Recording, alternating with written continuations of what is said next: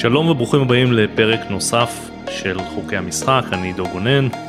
האורח שלנו היום הוא עידו ברגיל, מנכ"ל ומייסד NextGen Solutions, ובעוונותיו גם עורך דין במקצועו אה, לפחות פעם. שלום עידו, אני שמח לארח אותך. עידו ברגיל עוסק בתחום ה-legal tech וה-AI בכל העולם המשפטי.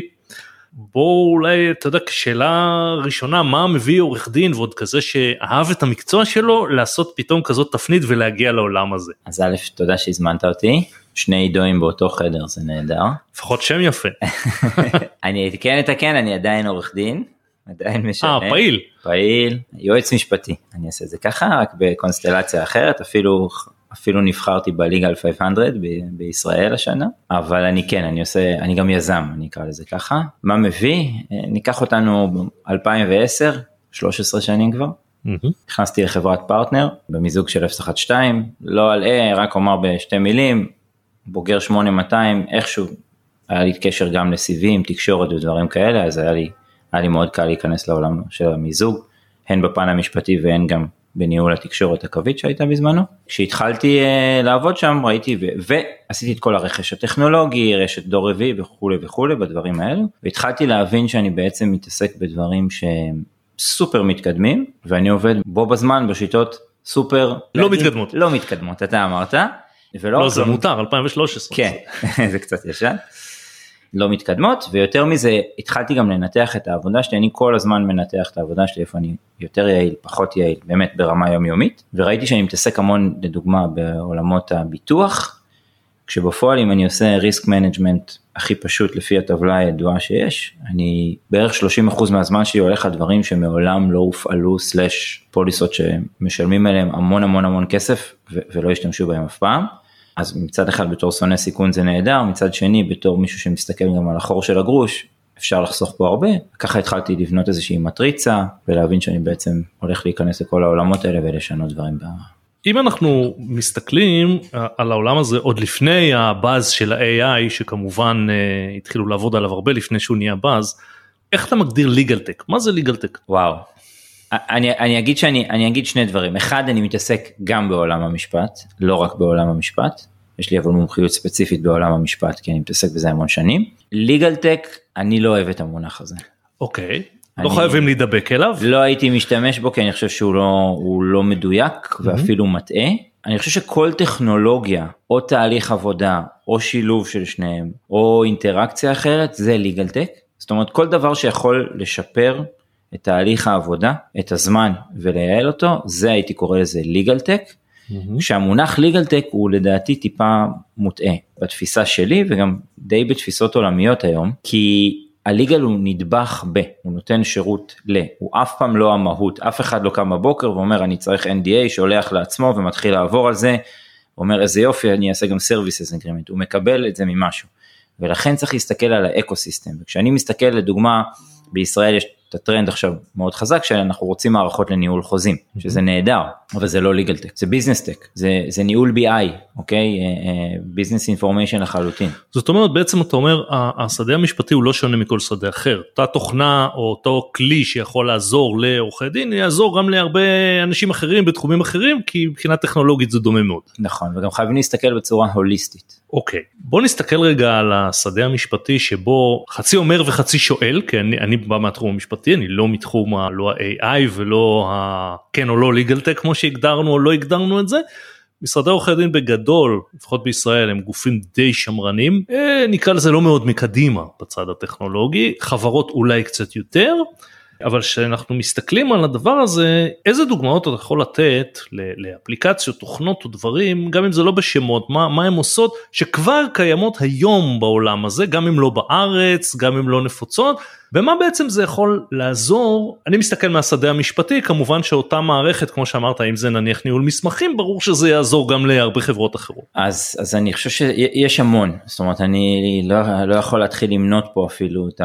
לא ברור דוגמאות לשימושים אני אז מתכוון אני- כן, כן. דברים שעובדים. אני חושב שאני אני אלך על מה שמוכר בישראל כי זה קל לי ואחר כך אני אדבר על כמה דברים בחו"ל. אז בישראל מאוד מוכר, קוראים לזה בישראל ניהול חוזים אבל אני אקרא לזה document management, ניהול מסמכים, וכשאני מדבר על זה יש שימושים, זה לקחת מערכת, זה לא משנה אם זה משרד או ארגון שיש לו מחלקה, מ-A to Z לנהל את כל ה-life cycle של החוזה, או של המסמך, או של המכתב, או של מסמך המדיניות. זאת אומרת, החל מהבקשה, האינטייק פורם שאני ממלא איזה סוג מסמך אני צריך, המערכת מאחורי הקלעים עושה ג'נריישן למסמך הזה, לפי פרמטרים שקבעתי, יוצרת אוטומציה, מעבירה תהליכי אישורים, אם צריך משא ומתן, וכן הלאה וכן הלאה, עד חתימות ואישורים, זו דוגמה אחת. דוגמאות נוספות שבעיקר יש בחו"ל, זה דוגמאות של auto generation של document, זאת אומרת תוספי וורד שונים, שאתה ממש כמו צ'אט GPT אתה כותב לו תנסח לי ככה וככה, הוא מנסח לך, אנא תיתן לי בבקשה את הרשימה של כל ה-privacy issues שעולים בס, ב, ב, בדברים האלה והוא מנתח לך ומנסה, תן לי נקודות למשא ומתן, זה יכול להיות, אה, אה, אה, בחו"ל זה עוד הרבה יותר מתקדם, יש מערכות e-billing של legal spend ספציפי למחלקות משפטיות הרבה יותר רחבות ממה שידוע בדרך כלל בארץ או למשרדים, אבל ממש e-billing. כל החשבונאות קורית דרכם, יש RegTech שזה regulation tech, יש compliance tech, גם כן פחות מוכר בארץ, מערכות מאוד אה, יקרות ומאוד גדולות. אין ספור דוגמאות אה, בעולם המשפט או בעולם הסמי משפט, בארץ זה מתחיל, אבל אנחנו עוד לא שם. ניקח רגע לדוגמת הדבר הראשון שאמרת של מערכת כזאת לניהול מסמכים A to Z, בוא נניח או עורך דין או, או, או אה, מישהו בחברה, ניקח את הדוגמה הכי טריוויאלית ופשוטה, חוזה שכירות. מה אתה בעצם אומר למערכת הזאת? אתה אומר לו תצרי לי חוזה שכירות? לטובת המשכיר, לטובת הסוחר, אה, נכס מגורים, נכס כזה, נכס אחר, איך, איך בעצם אתה ניגש לזה? כל מה שאמרת נכון, ממש ככה. אני, אני, אני, אני אגיד שני דברים. קודם כל, המערכות האלה יוצרות שינוי תפיסתי, ופה הנקודה העיקרית, הם לעולם לא, המערכת היא לעולם לא הפתרון, אלא הפתרון הוא תמיד פתרון כולל, לעולם יהיה גם פתרון תפיסתי וגם תהליכי. וכשאני מדבר על, על ה eco system, זה תמיד, אני קורא לזה עיקרון התמ"ת. כמו משרד התמ"ת רק עם א', אנשים, תהליכים, מידע, טכנולוגיה. אתה צריך להתייחס לארבעת הפרמטרים כדי ליצור את זה. אבל במקרה של חוזה שכירות, נניח שאני משרד קטן, לא משנה, בינוני, יש לי איקס לקוחות שמתעסקים בנדל"ן. אז בתור התחלה, היום מישהו מרים לי טלפון, אומר לי אני רוצה חוזה שכירות, אני מתחיל לתשאל אותו את כל השאלות שאתה אמרת. אני מסתכל על דבר שנקרא Law Practice Management System כשם כללי, אוקיי? זה מונח שטבעתי לפני כמה שנים, שבמקום שהוא יפנה אליי במייל, יעצור אותי בשיחה, הוא, יש לו ממשק שלם. הוא, הוא, הוא ייתן למערכת הוא התשובות. הוא נותן למערכת את רשימת הדברים שהוא צריך. המערכת כבר יודעת לנתב, אוקיי, אני רואה שזה חוזה שכירות סתם, גם קבלן וגם, או דו צדדי לשני הצדדים, או שזה דירה יד ראשונה לעומת דירה יד שנייה, כל מה שהוא צריך הוא ממלא, פרטים, תעודת זהות וזה, לא, הוא לא יכול בכלל לעשות submission או להתחיל איזשהו תהליך, אוקיי, כל, כל, כל העולם של premature request, חליבה של data, חוסר במידע, צורך בלהרים 20 פעם טלפון וכאלה, הם נעלמים. הוא מקבל את החוזה, יכול להיות אפילו ללא מגע עורך דין בדרך, כי לעורך דין אין תרומה פה, זה ממש זה כשאתה, זה כשאתה מדבר שבעצם המשתמש הוא לא עורך דין, אלא... זה צריך להתחיל בלא עורך דין. ברור. ויכול להיות שהוא בכלל לא צריך עורך דין כרגע, יכול להיות שאני מסתכל, אם אני מסתכל על למשל משרדים עוד כמה שנים, האינטראקציה האנושית צריכה להיות במקום שהמוח האנושי נותן ערך מוסף, ולא בכל האופרציה שמסביב. דרך אגב, חלק מהאופרציה היא גם אופרציה משפטית. כי חוזה שכירות הוא דוגמה נהדרת למשהו שהוא רפטטיבי, אין בו איזה המצאות של הגלגל, יכול להיות שיש בו סעיף או שניים שצריך עורך דין באמת שיתעסק, אבל בכל ה-80% האחרים אפשר לייעל את העבודה. אוקיי, okay, ומה השלבים הבאים? כי אמרת שהמערכת הזאת בעצם תדע לעשות את זה מ-A to Z, אז, אז הבן אדם הכניס את הפרמטרים, נניח קיבל איזשהו הסכם, יש פה הרי גם צד שני, והצד השני, נניח שהאדם הזה הוא לא משנה המשכיר, עורך הדין של המשכיר, יש גם סוחר ואולי הוא לא הערות וכולי, איך זה עובד עם מערכת כזאת, או שזה, או שהצד השני עובד עם המערכת שלו, הוא לא מעניין אותנו. לא, לא, זה, הדברים האלה הם חייבים להיות ממשק אוניברסלי, אני אסביר. זה לא משנה איזה מערכת אתה עובד, האוניברסליות היא באיך אתה מנהל את זה מול הצד השני. נניח לצורך העניין שהוא קיבל טיוטה, יכול להיות שאפילו לא היה צריך מגע יד אדם במקרה הזה, כי הוא לא שינה שום סעיף.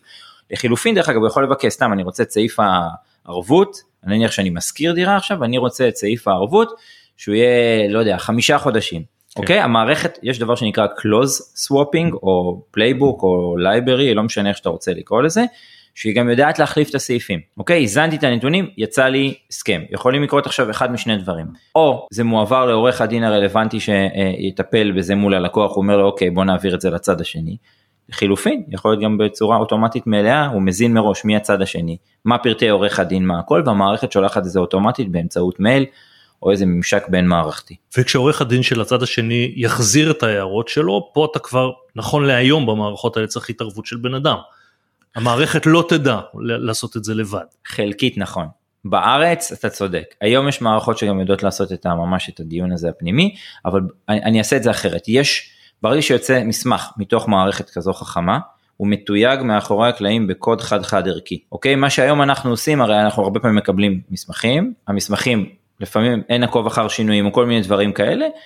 המערכות יודעות, ברגע שאני עניתי ריפליי לאימייל, או שלחתי חזרה בדרך המערכת הזו, המערכת יודעת שזה version 2, עושה compare אוטומטי, ומציפה גם דברים שלא הציפו, ואז מגיע מגע המוח האנושי במקרה הזה, והוא עובר ורואה מה השינויים ואם אפשר לקבל או אי אפשר לקבל. אני כן אגיד שהמערכות המתוחכמות היום, יש היום פיילוטים שמערכות יודעות לדבר בינן לבין עצמם, ועוד דבר אני אגיד, אני אקח את זה עוד צעד, יש דבר שנקרא contract simplification, זו תנועה עולמית, בארץ היא, היא לא, עוד לא הצליחה, אבל במקום לדון ב-200 סעיפים, בוא נדון בחמישה או העשרה הרלוונטיים, נבחר את המנעד list of values הרלוונטיים, ברגע שאתה בוחר החוזה יכול לצאת אה, מסודר.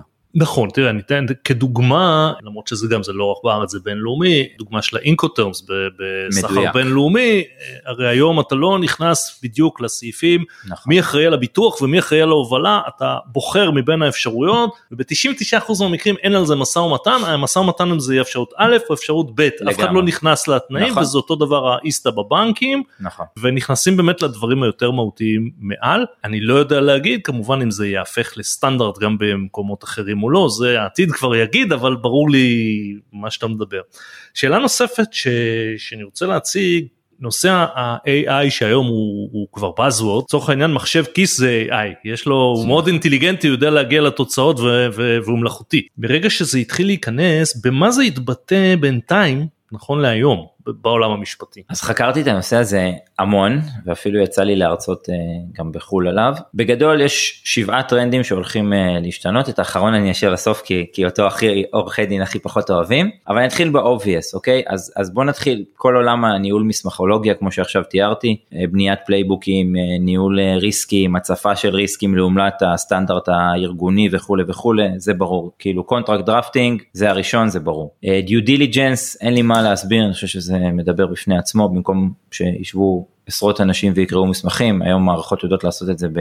לא יודע כמה 1 חלקי 100 מהזמן עם רמת דיוק של 96 אחוז שבן אדם ממוצע מגיע ל-75 אחוז כולל הוצאת reportים, compliance ומעקב אחרי אה, חוקים ורגולציות וזה מספיק שיש התממשקות למערכות עולמיות, אף בן אדם לא יוכל לעשות את מה שמכונה עושה. אותו דבר בפטנטים ורישום אה, רישומים, סימן מסחר, מעקב אחרי הדברים האלו, אלו הדברים שהם די obvious. שני דברים שהם פחות אני הייתי אומר obvious זה המשא ומתן שדיברתי שמערכות ידעו לדבר בינן לבין עצמן וזה קורה. עוד דבר שהולך לקרות זה יישוב אה, סכסוכים אונליין באמצעות בינה מלאכותית, תאמין או לא, אפילו יש את זה בהטרדות מיניות בארצות הברית, יש פיילוט כזה בבתי המשפט, אמיתי, אוקיי, איזה רמת פיצוי ואיזה זה, זה נשמע מאוד, זה נשמע מאוד לא נעים, אבל אני אומר לך שדווקא קורבנות העבירה מרגישים הרבה יותר נוח עם הדברים האלו. בגלל שזה פחות אמוציונלי. זה פחות אמוציונלי והפיצוי הוא כזה, שוב, אני לא חושב שאפשר לפצות על דבר כזה, אבל אני אגיד שבעולם, במנעד הזכויות והפיצויים, הפיצויים שמראש מכניסים למערכות האלו הם הרבה יותר ראויים ממה שבתי המשפט אה, פוסקים ואחרון אחרון חביב שזה הכי controversial והכי פחות אוהבים לשמוע שאני מדבר בהרצאות זה הצ'טבוטים המשפטיים. הצ'טבוטים המשפטיים נרצה או לא נרצה זה כבר קיים היום. אתה מדבר נניח אם, אם ניקח את זה להדיוטות כמו ChatGPT אבל משפטי? לגמרי. זה אומר שאני שאלות בסיסיות אוכל לשאול ולקבל זה נכון יהיה דיסקליימר שים לב אתה חייב להתייעץ עם עורך דין זה כבר קורה. אין לי ספק זאת אומרת אה, בוא נאמר אה, כל מי שמתעסק קצת אפילו ב-ChatGPT אני כבר כמעט אומר רגיל כי אומנם הוא איתנו רק איזה ארבעה חודשים אבל הוא כבר הפך לרגיל. מבין שלשם זה הולך. היום זה, יש זה, מערכות. זה הגוגל החדש נכון. במידה מסוימת. נכון. ואגב לדעתי לא רק ל, ל, לאנשים שצריכים את הפתרונות גם לעורכי דין. זה המנועים האלה יגיעו לזה שזה יהיה כלי עבודה. אתה, בוא, אתה, אתה לא תוכל בלי זה. נכון אז בוא תראה ניזהר כדי שלא יגידו שאמרנו שצ'אט gpt מסוגל לתת דברים משפטיים. לא אני לא אומר צ'אט gpt נכון. עצמו אבל, אבל הטכנולוגיה הזאת הרי תלך יש. לכל מיני. מקומות. נכון. יש עולם שנקרא למשל Draftwise, נקרא לזה ניסוח חכם של טיוטות, היום יש תוספים שיודעים להתלבש על וורד ויודעים לעשות לך את זה בין אם זה מבוסס database פנימי בין אם מבוסס database חיצוני, על database משפטי, שפשוט יודעים להציע לך סעיפים, אוקיי? יש היום, אני מתעסק היום ב-22 חברות כאלו, משחק ב-22 כלים כאלו, חלקם אני מלווה יותר זמן, חלקם פחות, אבל זה קיים בעולם, אוקיי? ברמה כזו או אחרת של אה, זה, יש מאוד מתקדמים, יש פחות מתקדמים, אבל הצ'טבוטים האלה קיימים. אני לא נכנס עכשיו לעולמות של אתיקה, יתבעו, לא יתבעו, אה, אתה יודע, אה, כן גילדת המקצוע, לא גילדה, פה בישראל מאוד רגישים לדברים האלו, אבל זה קיים, ולנצח את הקדמה אי אפשר. ובסופו של דבר אני גם אגיד עוד משהו, יש בזה המון המון ערך מוסף לאנשים שידם אינה משגת. ג'ושוע ברודר עם do not pay, אתה מכיר, העורך דין הווירטואלי שהציע מיליון דולר למי שמוכן אה, לטעון באמצעות האפליקציה שלו, וישר בית המשפט העליון בארצות הברית אמר אי אפשר לטעון שהוא לא, לא באמצעות בן אדם וכולי וכולי, אז הדברים האלה קיימים והם גם מאוד מאוד עוזרים, זה נכון, יש המון שאלות, מה יקרה אם הוא יתרשל במרכאות וכאלה, אבל אני חושב שבן אדם למשל שידו אינה משגת, פחות מתעניין בשאלות האלה ורוצה לדעת שהוא יכול לקבל את הזכויות שלו. אני, אני לצורך השיחה אני עוד לא שם זאת אומרת אני אומר גם אנשי מקצוע עורכי דין שעורכי דין אין שום בעיה שיעזרו במה שהם רוצים כי הם, הם, הם נותנים את האחריות. זה ברגע שאני נניח בא אליי לקוח ואני נותן לו מחבר לו הסכם זה לא כל כך יעניין אותו יעניין אותו כמה הוא משלם. לא יעניין אותו כל כך איך חיברתי הוא ירצה את האחריות שלי לזה שיש לזה רמה מקצועית טובה. לצורך העניין אם אני אעשה את זה ב... שלוש שעות ידנית או ברבע שעה באמצעות מנוע כזה או אחר כל עוד הרמה המקצועית בהנחה שאני כן עומד מאחוריה והרמה המקצועית היא טובה ואין התרשלות זה רק יעניין אותו כמה הוא ישלם זה לא יעניין אותו מעבר לזה. נכון. ובקטע הזה אה, זה ברור לי שהתוכנות האלה הולכות לשם ו, וגם השוק יעשה את זה. זה כמו בעבר חורג גם התחום המקצועי שיצא ויקיפדיה אמרו לעולם אל תסתמך על זה. בסופו של דבר זה הגיע. עכשיו אני לא זה לא בטוח שכל ערך בוויקיפדיה הוא נכון אבל אם יש לך איש מקצוע בתחום מסוים שיודע לבדוק אם זה נכון או לא והבדיקה תיקח לו חמש דקות אבל לכתוב את זה ייקח לו אה, שלוש שעות נרצה או לא נרצה זה יגיע לשם. נכון. ניקח את זה לרגע דיברת על due diligence ואני שואל גם על due diligence אבל בוא ניקח את זה גם לסתם נקרא לזה מסמכים ארוכים. אני גם יודע שיש תוכנות שהיום כבר עושות את זה אני לא יודע אם בשפות חוץ מאנגלית אבל באנגלית בוודאי. עכשיו איך תוכנה כזאת בעצם היום בנויה אני נניח עכשיו אה, אה, עוסק ברכישת חברה בתחום הדלק סתם אני אומר. אם אני אה, משרד עורכי דין, אז אני יודע שאני צריך לבדוק קודם כל את הדברים המסחריים הרגילים, את ההסכמים, אה, את הסיכונים, מה קורה אם אה, בהסכמים אם מעבירים שליטה וכולי, וגם את הרק... נאמר תאורטית שאני מייצג לקוח שהוא רק עכשיו נכנס לזה, את הרגולציה בתחום הדלק, אם החברה כן עומדת או לא עומדת וכולי.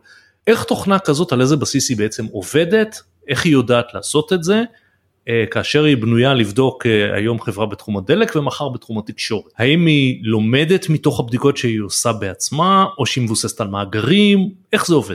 גם וגם וגם תוסיף לזה עוד נדבך שלישי שהיא מחוברת למה שנקרא חוכמת ההמונים. אני אקח שם שמאוד ידוע אוקיי יש יש תוכנה מערכת חדשה של לקסיס לקסיס נקסיס לא צריך לפרסם אותם אז Lexis Plus AI זה נקרא. Lexis לקחו אוקיי אנחנו מתמחים בחיפוש ובעוד כל מיני רכשו עוד המון חברות בדרך ויש להם גם מערכת לניהול חוזים עכשיו שהם רכשו וכולי וכולי אמרו בוא ניקח את זה ל-next step.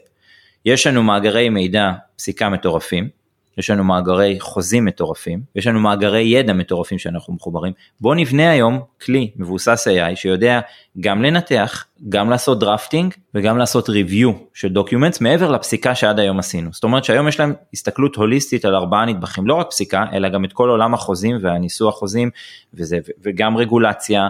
וזה זאת אומרת אם מערכת כזאת צריכה עכשיו לדוגמה לעשות ניתוח של חברה בתחום הדלקים אוקיי? אז אנחנו נזין לה מה אנחנו רוצים לאיזה תחום ואיזה רגולציה. היא תדע לסרוק את המאגרים האלו אוקיי? בהנחה שוב יש פה המון יש פה חסם אולי אנושי שלא ייתנו לה להיכנס לכל המאגרים האלה mm-hmm. אבל בהנחה שאני לא יודע אם אני משרד ויש לי כבר ידע על זה או זה אז, אז בהחלט יכולה לעשות את כל הנדבכים שנתת עכשיו. אם למשל, האם תוכנות כאלה בנויות על זה שאני בתור אה, נניח אה, עורך הדין המשתמש, אני אזין לה איזה סיכונים אני רוצה שהיא תבדוק, או שהיא תציע לי גם, או שאני אגיד לה מעניין אותי אה, רגולציית דלק, אבל על הדרך היא גם תבדוק את הדברים המסחריים הרגילים במרכאות, איך זה עובד? זה תלוי בתוכנה, אבל האבולוציה היא כזו, יש, יש מחקר שלחתי לך אותו גם אם אתה זוכר, ה-155 עמודים על האבולוציה בין 3.5 GPT 3.5 ל-4. האבולוציה היא כזו שלא רק שהיא תדע לנתח לך, אם לצורך העניין אתה עורך דין, אתה יושב, המערכת יושבת, היא לא on-prem אבל היא יושבת על ה database הפנימי שלך, יצרת API שמתממשק ל database הפנימי, היא סורקת את, בתור התחלה את כל החוזים שלך בעולמות הדלק או בכלל, ומבינה מה הסטנדרט שלך, סתם payment term 30 יום ובעולמות הדלק X, אני אפילו לא יודע להגיד מה, warranty כזה או תובלה כזו ו incoterm כזה. אז זה אחד, אז היא מציעה לך, תשמע, בסעיפים 4, 5, 6 ו-8 אתה לא עומד בסטנדרט הארגוני שלך, ב-80% מהמקרים השתמשת ב-X ופה שים לב זה, זה, זה שונה, זה אחד. שתיים, על סמך ניתוח ה data הפנימי שלך היא כבר תדע להציע לך גם את ה... תראה, חסרים לך כנראה א' ב' dispute resolution וכל מיני דברים אחרים שמעניינים אותך ו- והם לא קיימים בחוזה והם אצלך כן נמצאים במה שנקרא ה playbook הארגוני גם אם לא ידעת. עכשיו אם אני לצורך העניין נניח תאורטית משרד שקם היום קונה כזאת תוכנה עוד אין לי data אין לי database אני הקמתי היום. האם תוכנה כזאת תדע מלימוד של אחרים על מה להסתכל ועל דברים שנניח היא תדע להגיד שסתם מתוך אה, אה, מיליון מקרים ב-900 אלף זה היה להם חשוב. אתה יכול, כן, התשובה היא חד משמעית, כן, אתה היום יכול לקנות לדוגמה את השירותים של Lexis Plus AI ולהשמיש אותם עליך. כן. אתה בעצם מקבל סוג של, לא יודע כמה, עשרת אלפים, ארבעים אלף, מאה אלף, מאתיים אלף, מיליון עורכי דין וחוכמת העבר ברכישה של אה, מה שנקרא שירותים. כן. ושוב נזכיר כמובן שנכון להיום אם המשתמש הוא עורך דין בעצמו אז הוא נותן לזה את האחריות והוא צריך לדעת גם שהוא תאורטית נכון. בודק גם ידנית כל דבר נכון כי הוא לא יכול להסתמך עדיין על תוכנה כזאת. אני, אני רק אגיד עוד מילה כמה שזה נשמע מתוחכם מיליון עורכי דין מאחורה וחוכמת ההמונים ככה גם במנעד הזה 180 מעלות הפוך הזמן התקנה או זאת אומרת זה עניינים של תוסף וורד או דברים כאלה שלא בהכרח לוקחים יותר משתי דקות עבודה ולכן גם הקלות ומה שנקרא disruptive זה, זה פשוט בכל מקום כי זה פשוט קל היום הידע הזה הוא פשוט נגיש ובקלות. בוא נדבר רגע על הצד השני של העניין הזה וזה הסיכונים שוב אני מדבר בשדה המשפטי בשימוש בכלים האלה ו- ואני אישית בעד uh, להשתמש בטכנולוגיה ובדברים של חדשנות כמובן אחרי שבודקים אותם ובשכל ישר לראות מה אתה באמת צריך ובמה לא ולא להסתמך על מה שאסור להסתמך וכולי. אבל אה, שאלה ראשונה למשל הכלים האלה אה, אני מדבר על הכלים שאתה מכיר ככלים שכבר עובדים נאמר בארצות הברית האם יש סיכון שנאמר שעורכי דין משתמשים בהם הם גם ייקחו את הדאטה של אותו עורך דין יטיילו לו במערכת ואולי זה ידלוף לכל מיני מקומות? במאה אחוז כן יש יש שמונה סיכונים אני לא לא הולך למנות את כולם אבל דלף מידע או אבטחת מידע או פרטיות בוודאות אחד מהם אני לא צריך לתת את הדוגמה של סמסונג עם אה, תביעה של 1.2 מיליארד זה שעובד הכניס. אני בטוח שהיום דרך אגב יש הפרות מטורפות כי גם מישהו גם מי שחי באשליה שבארגון שלו המקודדים או לא משנה אפילו אנשים לא משתמשים ב-ChatGPT ואם הוא חסם את זה אז הם לא עושים את זה בבית אז זה באמת אשליה. אבל אה, כן אם אתה מזין למערכת והמערכת היא מבוססת אינטרנט זאת אומרת נניח אחת השאלות הנפוצות זה אוקיי מה קורה אם אני רוצה לקנות עכשיו אה, להשתמש ב-GPT איך אני דואג שזה יעבוד רק על database פנימי? אז אם אתה קונה ישירות מ- OpenAI אוקיי או כמו שאני אוהב לקרוא לו מר שמואל אלטמן אז אתה לא יכול להבטיח את זה אם תלך ותקנה דרך Microsoft uh, אג'ור, תוכל לוודא שהמידע לא דולף, שזה רק מה שנקרא slot שלך בענן ורק מבוסס data.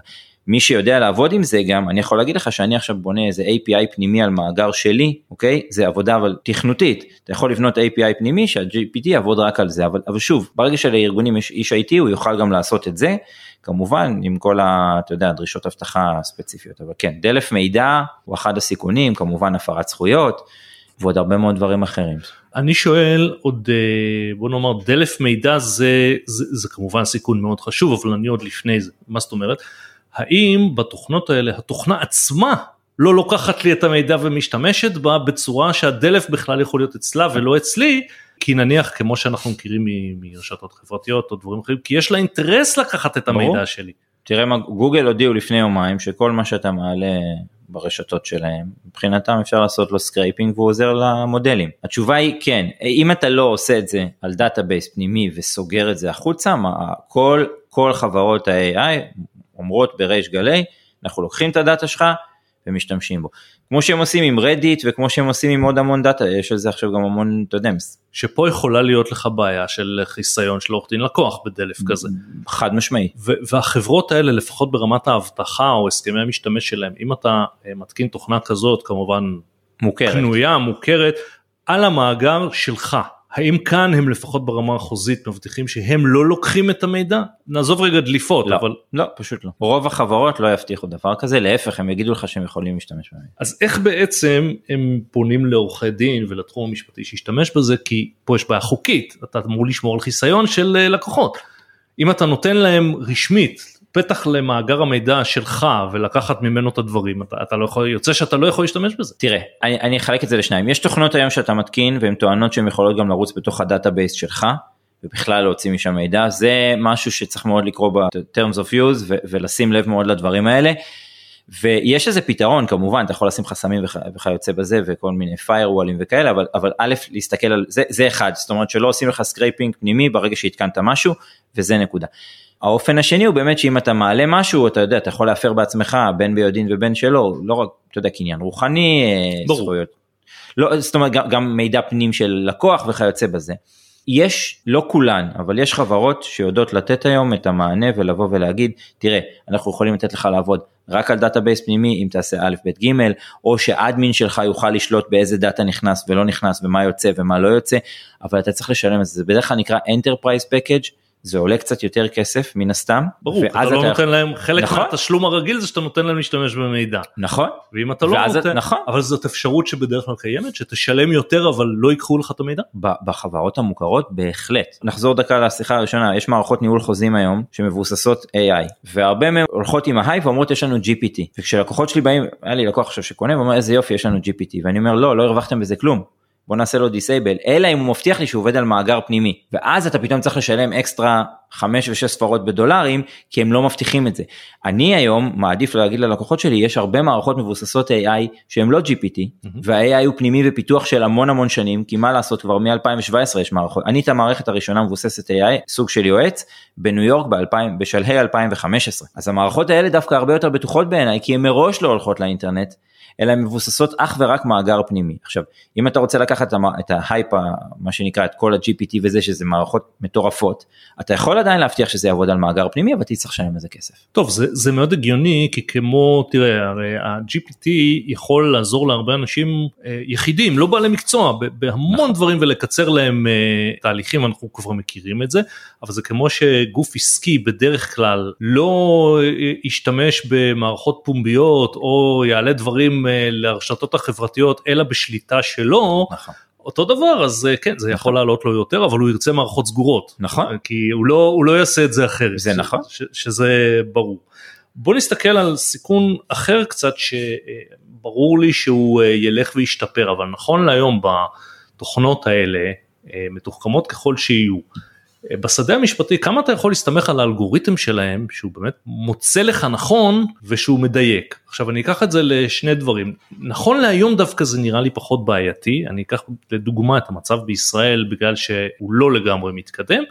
אם אני למשל בונה בכלי כזה או אחר של AI הכנה למשפט או בנייה של תביעה או כתב הגנה או טיעונים אז נניח שאני מסתמך על איזה כלי מעולה חמש דקות הוא מוציא לי את זה כמעט מושלם אבל אני כן יכול אה, לבקש מעורך דין או מתמחה תעבור על זה תבדוק את האסמכתאות תראה שהפסקי דין האלה באמת קיימים תראה שלא סתרו אותם עדיין הוא יעשה עבודה וזה עדיין יחסוך לי אם אני מגיש את זה כמו שזה בלי לבדוק יש לי בעיה היא, היא, היא בעיה שלי אני יכול להתגונן ממנה. אבל אני בעצם שואל בכלים נניח כמו של due diligence או של דברים כאלה עד כמה הניסיון הוא כבר כזה שהאלגוריתם הזה במרכאות יודע מה שהוא עושה. תראה. או שעדיין גם בארצות הברית זה בחיתולים. אני אענה על השאלה הזאת טיפה אחרת. זה לא עניין של אופטימי או לא, אני, אני ריאלי. יצא דוח ממש לדעתי שבוע שעבר, על המקצועות שה likelihood שלהם, שהסיכוי שהם יהפכו להיות אוטומטיים באמצעות בינה מלאכותית, אה, מדורגים, כל זה, מה, מה הסיכוי? המקצוע הראשון הוא office, אופיס אסיינמנטס, כאילו, אתה יודע, קלנדר ודברים כאלה, תנחש מה המקצוע השני, ברמת ודאות של 44% תוך כמה שנים. אם אתה שואל אז זה בטח עורכי דין. אז נכון, אז משפט. אז תראה, מכיוון שהמלל, וה... תראה, המקצוע שלנו מבוסס על מלל ותוכן, ושוב, אני לא מזלזל, יש הרבה, יש הרבה מוח ולפתור דברים, אבל אם אני אקח עכשיו, בכוונה אני אנתח חוזה, 70% חוזר על עצמו בערך, 30% זה הרמה, איפה שאתה צריך עורך דין באמת חכם, שישב ויחשוב ויפתור וימצא את הסוגיה המיסויית ואיך לעשות ודרך איזה חברה וזה.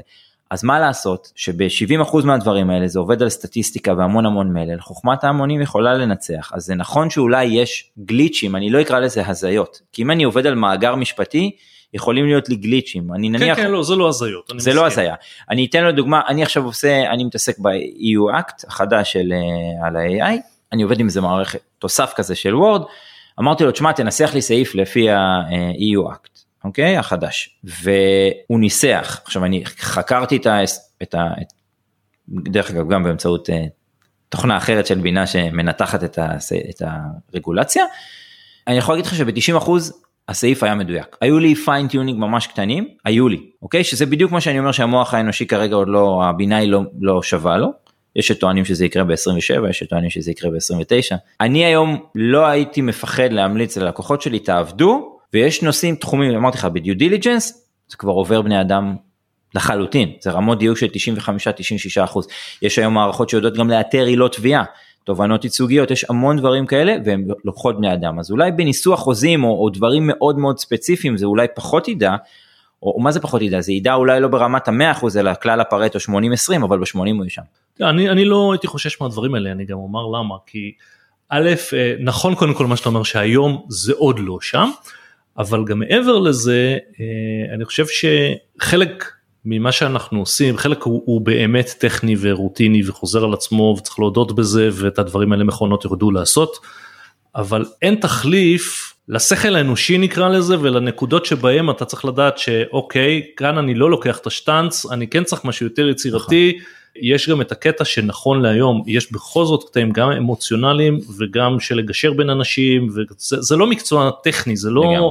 זה כמו זה כמו שאומרים שרפואה היא לא מדע מדויק אז משפטים הוא מדע. עוד פחות מדויק אם הוא מדע בכלל.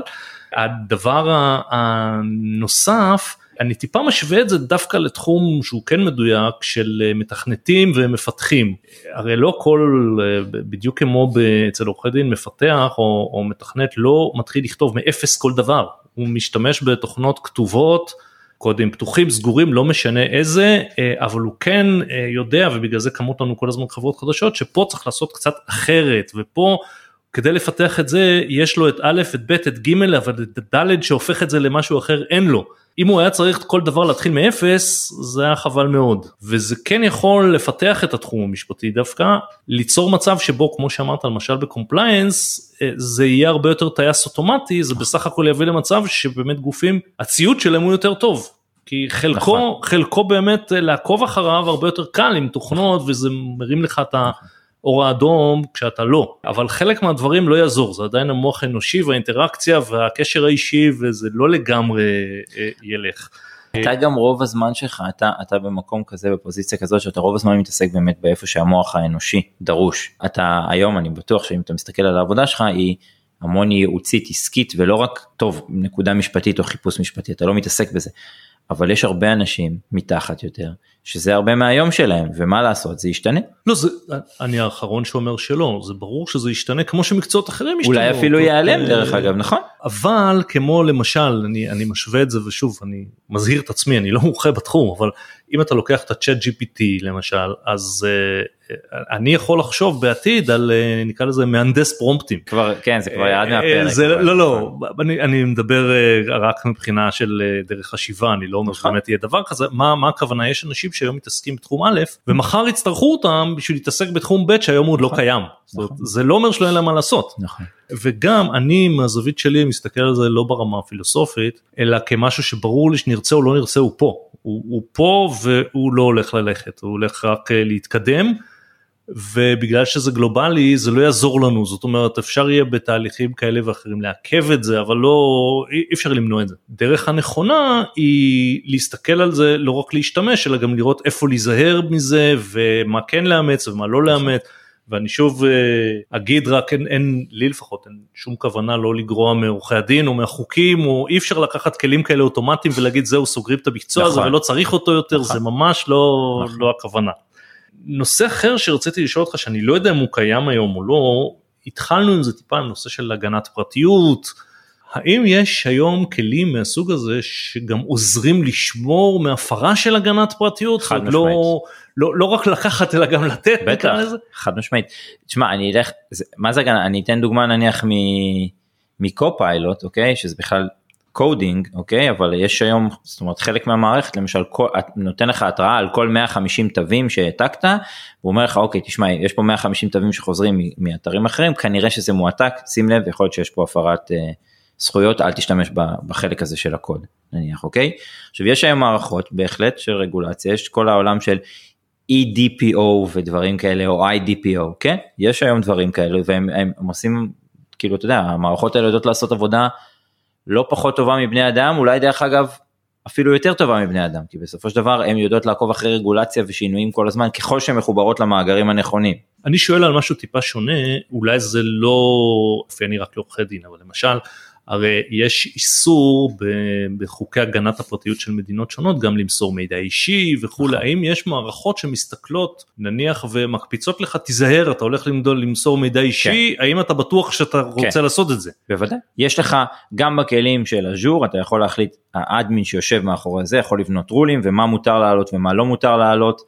ואיך להעלות אה, אה, אה, דברים, אתה יודע, אתה יכול להחליט שאתה חוסם ב-GPT דברים מסוימים מלהעלות ומסמכים מסוימים או חומרים מסוימים, בוודאי התשובה היא כן. יש היום כלים כאלה יש גם מערכות הרבה יותר מתוחכמות אני אני לא אוהב לדבר על זה אבל יש מערכות שעושות screening אני הטכנולוגיה היום לדעתי אני אגיד במילה אחת יש זה כמו שיש מערכות שלכאורה יודעות לעשות detection של של דאטה שהוא כאילו נוצר על ידי AI ואז אתה אומר אוקיי אם זה נוצר על ידי AI האוניברסיטאות אומרות אוקיי זה מישהו שכנראה שיקר בעבודה יש עכשיו איזה דיון שלם על מישהו שהתקבל לעבודה ואמרו לו שה assignment שהוא ביצע הוא ביצע באמצעות GPT וזה לא נכון. יש איזה תביעה בלה בלה בלה. ואז התברר שיש המון הטעיות שאם אני לא English native אז כשאני משתמש ב-GPT התוצר שלי יוצא כזה שהמערכות חושבות יש להם יש מערכות חושבות שזה חושבות שזה וזה לא היה זה ההפך זה הייתה עבודה שלי. ולכן יש כלי screening שיודעים להציף ולהגיד אל תכניס ואל תעשה וזה אתה לא יכול או לחסום וזה כן יש בהחלט. מאוד יקרים היום מאוד כי זה הייפ יקרים בצורה מחרידה. אה, אני לא יודע להגיד לך את רמת הדיוק שלהם, אני לא חסיד גדול של זה, כי אני חושב שזה יוצר סטנדרטיזציה מאוד גבוהה שהרבה מעבר לאדם הסביר, אסור להגיד סביר בימים אלו אז אני לא יודע איך לקרוא לזה, אבל הרבה יותר מהסטנדרט שהחוק מציב לך שאתה צריך לשמור על מידע או דברים כאלו, אה, אבל כן יש ארגונים, אני עובד עם ארגון בארצות הברית שבהחלט קנה מערכת כזו ושילם הרבה כסף על זה. לסיום אני אשאל אותך שאלה שהיא לא מדויקת אבל אתה מתעסק כבר כמה שנים טובות בתחום הזה ורואה את ההתפתחות מאז שהתחלת לי מאז שנכנסת לה ועד היום שאני בטוח שהיא אדירה. אם אתה מסתכל היום על עוד עשר שנים לאן אתה חושב שהעולם הזה הולך מה תסתכן וזה הימור מה יהיה פה בשדה המשפטי אפילו נניח בארצות הברית לא נתייחס דווקא לישראל כי זה גם מדינה אה, שלפחות אה, רשמית השפה שלה היא לא אנגלית. לאן נראה לך שהעולם הזה הולך גם לטוב וגם לרע. Okay, אוקיי, אז בהנחה שאני שם את ישראל בצד כי אנחנו באיחור לא אופנתי מהעולם ב, ב, בדבר הזה. אה, א' הכלים האלה נכנסים לעוד שפות, שבוע שעבר פורסם אה, ש-OpenAI רוצים להרחיב את הצ'אט לעוד שפות. גוגל ברד דרך אגב עובדים נהדר בעברית יחסית נשים בצד עכשיו את, את ההשוואה ביניהם אבל זה עובד בעברית יש לא מעט אה, זאת אומרת גם עברית. אני חושב שיקרו שני דברים אני אלך אחורה ב-2018 כתבתי מאמר על דבר שנקרא טכנאי משפט פרסמתי את זה זה אפילו פורסם בביטאון של ליאל וזה לא עשה את הרעש שזה עשה מי שהיה צריך אה, כל מיני פרופסורים וזה כתבו לי חלקם מאוד שמחו לשמוע את זה חלקם אמרו לי זה קשקוש בלבוש. אני חושב שהעולם ילך לשם. אני חושב שכל המקצוע המשפטי באמת יתרכז באיפה המוח האנושי נדרש שזה ה-30 עד 40 אחוז מהעבודה אולי אפילו פחות וכל השאר יכול לעשות על ידי מכונות גם אם לא fully automated drafting והכל ומישהו יעשה איזושהי בקרה קטנה אבל אתה יודע סאטיה נאדלה המנכ"ל של אה, מייקרוסופט ממש הקדיש שלוש דקות לאיך יהיה co-pilot יעזור לנו עוד כמה זמן ב Windows ובניסוח חוזים. ואתה יכול להניח שאם מנכ"ל מייקרוסופט מדבר על זה בשלוש דקות במצגת זה אומר שתהיה מהפכה. אז כן, אז יהיו דבר שנקרא טכנאי משפט, אנשים שמשלמים להם הרבה פחות, הם יעשו את הפרומפטים, ידאגו לכל מה שצריך, ינהלו את זה ויהיה מישהו שעושה את הבקרות. אני לא יודע אם זה חיובי או שלילי, אבל אני מאמין שזה ילך לשם. אני חושב בצד היותר חיובי, או לפחות הדברים שאני מתחבר אליהם, כי זה, אני היום פעיל כעורך דין, שוב יותר יועץ משפטי באסטרטגיות מורכבות וניהול משא ומתן וגופים ביטחוניים ודברים כאלו. אני חושב ששם דווקא נתחדד. האנשים הטובים יקבלו הזדמנות להיות עוד יותר טובים, המערכות יהפכו אותם, זה יהיה אוגמנטד, זה יוסיף להם יכולות, זה ממש יהפוך להיות סוג של עורך דין על אנושי, אוקיי? עורך דין 2.0 אני אקרא לזה, אוקיי? שהוא ממש יהיה על אנושי, הוא בקליקים יוכל למצוא את הדברים האלו ולתת מענה הרבה הרבה הרבה יותר חכם וגם דרך אגב, בגלל שאני אומר אני מסתכל על אני היום נותן אני תופר חליפות הרבה יותר רחבות אני עובד למשל עם שתי חברות פינטק ואני בונה להם אסטרטגיית שיווק לעולם הפינטק ואפליקציות שקשורות בבינה מלאכותית. לא הייתי יכול לעשות את זה אם לא היו לי עכשיו חמישה כלים שעומדים לצידי והייתי יודע לתפעל אותם זה נכון שלא כולם יודעים לתפעל את החמישה האלה או בכלל מגישים אליהם, אבל אני יודע להגיד שלא היה לי את הידע שיש לי היום. אז אני חושב שזה יתפתח למקומות, אמרתי, זה יהיה סופר אה, עורך דין. אה, שוב, אה, מזהיר גם את עצמנו וגם את המאזינים, אין פה שום כוונה לומר כרגע במקום עולם עריכת הדין ללכת לא. לכל עולם התוכנות. אה, הפוך, לא, ממש. עדיין, ויש כללי אתיקה שצריך לשמור עליהם, זאת אומרת, אין פה, זאת שיחה ולא המלצה ללכת לכלי כזה או אחר במקום דברים שקיימים היום. אה, עידו תודה, שמחתי מאוד לארח אותך, הייתה שיחה מאוד מעניינת, ושוב אה, תודה. תודה לך, אני עוקב אחריך אה, כל הזמן, אתה יודע את זה. תודה רבה. עד כאן עוד פרק של חוקי המשחק, אותי תוכלי, תוכלו כמובן למצוא גם בלינקדאין ופייסבוק וכמובן בגולדפארם.